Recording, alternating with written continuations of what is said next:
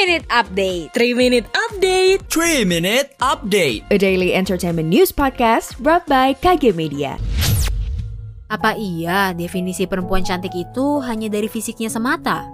Yuk simak pengalaman para perempuan dalam pertama kali berhijab, penyitas perundungan, hingga pejuang jerawat hanya di podcast Semua Bisa Cantik. Persembahan Stylo Indonesia dan KG Media.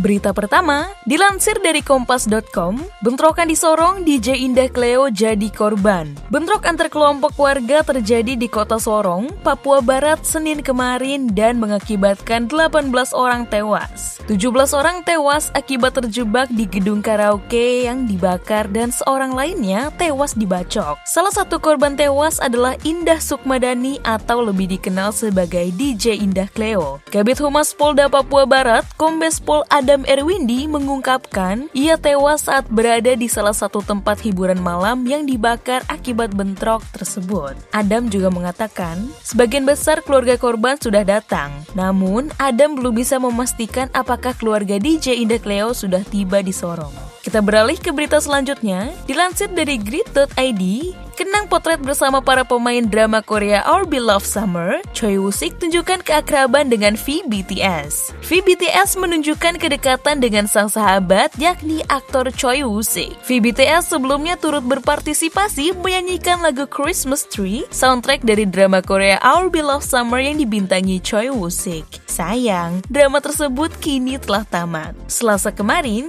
Choi Woo-sik terlihat membagikan kenangannya bersama para pemain drama Korea Our Beloved Summer lewat postingan di akun Instagram miliknya. Melalui akun tersebut, VBTS terlihat meninggalkan sebuah komentar di postingannya. Ia menulis Choi Woo-sik telah bekerja keras. Dan yang terakhir, dilansir dari high.grid.id, The Weeknd kalahkan Justin Bieber untuk pendengar Spotify bulanan terbanyak. Setelah merilis album baru Down FM pada awal bulan ini, musisi dengan nama asli Abel Tesfaye tersebut mencatatkan pencapaian 85.667.564 pendengar bulanan di Spotify. Perolehan ini menjadi yang tertinggi dari artis mana pun pun hingga saat ini. Album studio kelima The Weeknd, Down FM, dirilis tepatnya 7 Januari 2022.